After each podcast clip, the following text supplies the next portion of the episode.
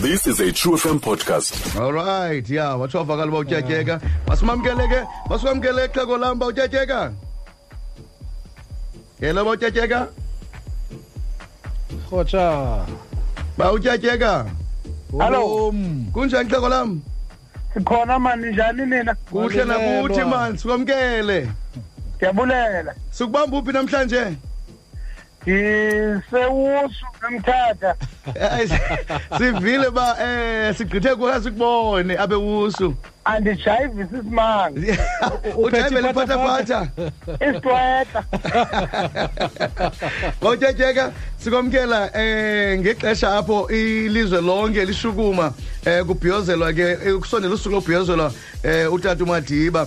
Namhlanje saqoma sithethe ngokubaleka kwabantu abangasekhoyo ebomini bethu. Ingaba xa umuntu ethe wasweleka mhlawumbi umzali umntana or ubrother wakho ingaba ingakanani indima abayidlalayo eh ebomini baba- bakho namuntu usaphilayo ngokwenkolo yethu indima yomntu ongasekhoyo ingaphezulu ngeli xesha ebesaphila phakathi kuba kukho into ethi umntu ongasekhoyo unamandla kunomntu osaphilayo. Yiyo ke laa nto kuthiwa abantu abangasekhoyo bavula amehlo abo baphilayo. Ndikuva kakuhle xhego lam ndikumamela mm. Eh xa umhlambi ke eh, eh, eh, ebe nezinto umzekelo imfuyo ubutyebi kwakunye mhlambi nomzi omkhulu ingaba izinto zakhe kufanele kuba mhlambi ziphathwe njani umuntu lo ungasekhoyo uba ngaba si- si- siyakhumbula. Mm. Ngoba umntu xa engasekho uhlonitshwa ngaphezulu kweli xesha ebesaphila kangangokuba kweyethu kolo kolo emveli kanti bebasitsho. Mm. Ayikho into yokuba kuthiwe umntu awubhubha kuthiwe uzawufakwa esibhubhini. Uba ngaba ebenawo amatyala mm. namyeka ngelaa xesha ebephila ayilo xesha ke lonqanga amatyala xa engasekho. So into eyenzekayo ke kukuba ukuba ngaba ebenezinto abenazo mm. ezo zinto nizihlonipha ngokungaphezulu kuba kaloku naye ngoku ukwinqanaba lokuhlonipheka ngokungaphezulu ngelaa xesha ebesaphila. Okay. Eh buya ngena yiyo ke laa nto. Mm. yiyo ke laa nto umntu ongasekhoyo ngokwenkolo emveli kanto akabizwa nangegama. Umhlonipha nokuba ngabe bemncinci kuwe uve kuthiwe xa kuthethwa ngobani bani ungasikhoyo kuthiwe ngumfi uba ngabe beyindoda okanye umfikazi uba ngaba bengumntu ongumama. So uyahlonitshwa ke ngamanye amazwi umntu ongasekhoyo ngokungaphezulu kwelaa xesha ebesaphila okay. Eh buya ngena ekhaya xa sincona ba utyatyeka ke traditional tuesdays yethu sithetha ngokubaleka kwabantu abangasekhoyo ebomini bethu. Eh kukho intetho ethi akuthethwa kakubi ngomuntu ongasekhoyo. Ithe kuthini loo nto leyo? I- yile nto bendigqiba ithetha ke lusi ethi Mm. yabona abanye abantu ngokwezabo inkolo manditsho mm. uthi uba ngaba ubhubhile uqale uqalekiswe umzekelo ungumamele emingcwabeni kuthiwe sixakiwe ke nakumngcwaba basangcwaba njani lo mntu? Kuba ebengenathixo. Lo Mm. mntu ebeyinto ethile eyithile njalo njalo. Ayenzeki ke kwinkolo emveli kanto intoba kubekho izilandu umntu xa engasaphili. Mm. Yile nto ke sithi uba ngaba benifuna ukumguqula imguquke guqule ngeli xesha asengeneno ingcwaba. Aze athi ke ngoku awube ebhubhile iqale ke ngoku nilungise izinto zakhe. Uyaqaphela kudala umntu ingakumbi ongumninimzi ebengcwatywa echantini lomzi wakhe kuba kwakukho inkolo yokuba nguye ozakwazi ukujonga abantu kweli khaya imfuyo yakhe kweli khaya zonke izinto ebezinoba ngumonakalo. So uba ngaba ke uthe wabona intoba heyi aba bantu banempazamo ethile abayenzayo. Uve kuthiwe hayi uye wavela kubani? Wathi makwenziwe into ethile nethile. Yiyo ke laa nto sithi abaleleyo bavula amehlo abo baphila. Phelayo. Okay eh buya ngena ekhaya kanye uhleli nawe uyafuna uthatha inxaxheba nombuzo ufuna ukubuza kuba utyatyanga ngalo mcimbi suphethe sithela ngokubaleka kwabantu abangasekhoyo ebomini bethu. Inombolo ngu-047 5311206 047 5311206 eh inombolo ke wasibetha kuyo ke leyo. Eh namhlanje siphethe ke uba utyatyeka sithela ngokubaleka kwabantu abangasekhoyo ebomini bethu. Eh omnye umbuzo mhlambi onovela emntwini ba utyatyeka eh omnye uzawuthi eh tyhini? Nakucima lento yami Eh, ndisafuna ubuza ndisafuna ujo- ubha- ufuna lo mbuzo eh, womphulaphuli. Kodwa ke inombolo yethu ngu-047 5311 206 047 53 uh, 5311 206 eh masikhange semnxebeni oqala esimbambayo simba eh uphefumula uthini yena? Oh komntu. Okay. Eh kaqhibezela ba utyatyeka umhlamba amazwe okugqibela.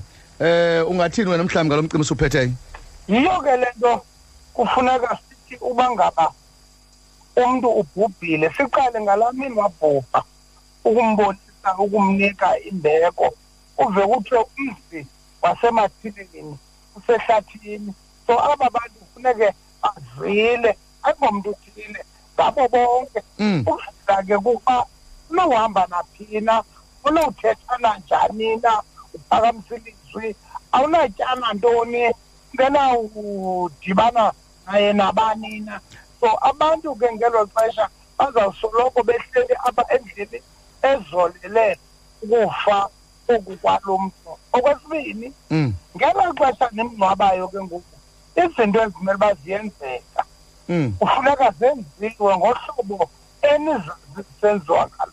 Kungabikho mntu ozakwenza into angayikhathalelanga. Umzekelo uba ngaba umntu uyangcwatywa kufuneke angcwatywe nezifo zakhe kuba kaloku sikholelwa into yokuba uya kobunye ubomi obukwaphelele iinqawe zakhe iintonga zakhe mm iinkuko zakhe njalo njalo njalo njalo Eh. so angcwatywe nezo zinto ngeli xesha sele ebhubhile Ok- okwesithathu mm. ezi zinto ke ngoku zenziwayo ukulungisa umntu osele ebhubhile.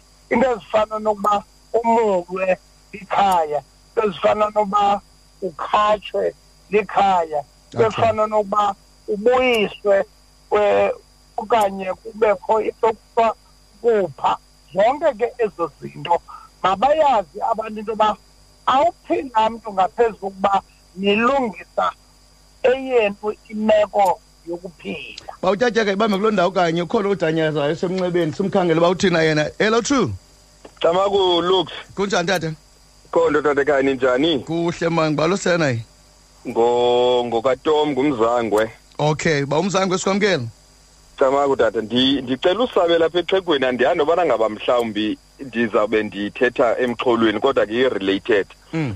Le nto ibangela into bana ngaba abantu abantsundu mabangakwazi ungcwatywa eh ngokwelaa xesha bebengcwatywa ngalo. Umzekelo ububhubhe namhlanje ekuseni angcwatywe emva kwemini okanye ububhubhe emva kwemini angcwatywe ngomso kusasa. Eh nomba we-postmortem njalo njalo kodwa ezinye inkolo ziyakwazi uyenza. Inoba siyiphosa phi thina? Mm. Ndifuna ubuza nje loo nto apha exhegweni. Uyamva ba utyatyeka? Ndimva kakuhle lo okay. Nkosi kakhulu ba umzange sebulela nkosi lux all right. Eh umzangwe. Oh ngumzange. Umzangwe. Okay. Kamphendula ba utyatyeka. Njanana Eh. eh into eyenzekayo kukuchithwa kukoyiswa. Ayikho enye into. Kukoyiswa kuba ezinye iintlanga ziyakwazi into yokuba zithi ngenxa yenkolo izinto ezithile zingazenzi kodwa awunayo isango lokuba ungazikhethela uba ngaba ungumntu omnyama. Iyafana ke nalaa nto ndake ndayithetha lu yokuba abantwana abamnyama banyanzelwa baqhawule ucamago esikolweni esimhlophe. Kodwa ndafika kukho umntana ngumslam oneendevu ezininzi ibe umgaqo wabo usithi iindevu azifuneki esikolweni. Xa ndiyibuza ke loo nto kwathiwa hayi kaloku uzawuba ngurabi. So i- i- ixhomekeka uba uya- uyakhumbula ubrenda nangokuthi ungubani? Okay. Okwesibini thina thina kuqala izinto zethu asizixabisi asikwazi ke ukuzihlonela. Akho mntu ke unoza kuhlonele. Inguwe kuqala ongayihloneliyo indawo okuyo. Okay. All right. Uh 047 5311206 047 5311206 eh inombolo sibetha kuyo leyo eh umhlambi bawutyatyeka kule nto yokubaluleka kwabantu abangasekhoyo ebomini bethu.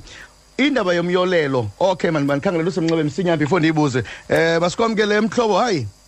Hayi. Hello true. Hayi true. Hello tata. Ndicela ubuza xa ubona umntu omdala oswelekileyo egumbini loo nto ithetha ukuthini? Okay. Liphupho oluthela ngalo? Um liphupha tata. Ndibona umakhulu wam equmbile ephupheni. So ke ngoku kule nto nithetha ngabantu abangasekhoyo. Mm. Ndifuna uyiqonda ithetha ukuthini le nto kandibona umakhulu wam equmbile ephupheni? Ikhona into efuna ibuza kuye bawutyatyeka before ndimbeke? Eh hayi zaphendula. Okay nkosi kakhulu waya jolo okay but eh khamphendule ke bawutyatyeka eh njengoba sisithi umuntu ubhubhile inkolo yethu singabantu ithi akafanga. Mm. Koko ukobunye ubomi uyazisa ke ngezinto ezenzekayo nezinto ezibangela into yokuba ithi akasakhumbuleki ukuba ngaba wayekhona. Ukuba ngaba ke ngoku umntu uvela eh, engemhlanga ebomini ithetha uba ikhona into angayithandanga enisinokuba ningabantu belo khaya niyayazi okanye uba ngaba aniyazi nive kubantu abaziyo Mm. Eh u- u- ma- ma- ma- maniphinde kule ndawo yomyolelo bawutyatyeka. Eh xa kubakho into edla kuthiwa utata washiya umyolelo wathi eh ze ze- ze- zekangcwatywe e- e- endaweni ethile okanye zekuthini ufumaniseke into yobana aba baphilayo bathi bona athi omnye hawu utata- utata wayethe ze- zekacrimatwe mhla wasweleka. Ufumaniseke uba aba baphilayo bahleliyo eh bangayilandeli mhlambi lo myolelo wakatata lo ungasekhoyo. Umhlambi loo nto nayo iyakwazi ufola phantsi kokubaluleka kwabantu abangasekhoyo? Umyolelo. Mm. Yinto umntu esaphila. Mm. Ayisetyezelwe zizinyanya zakhe. So akathethi into ayikhanje emoyeni. Mm. Uthetha into afuthelwe kuyo zizinyanya zakhe. So ibalulekile ke ngoko into yokuba kuyo yonke into ayithethe ngelo xesha. Niyazi uba kaloku sele kude kuthiwe usekwenzokufa ukufutshane kwizinyanya ngelo xesha. Zizo ke ngoku ezimxelela uba makwenzeke into ethile nethile. Abantu ke abasazithatha njengeempekele izinto zenkcubeko nonqulo lwesiNtu abakhohlwa ukuba baske bangayihoyi loo nto ithethekileyo. Umntu kuthiwe uyawuzibonela okay.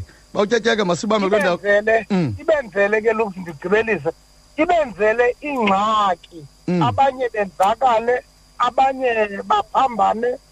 Senditsho kubekho izinto ezininzi ezingalunganga ezenzekayo kwelo khaya.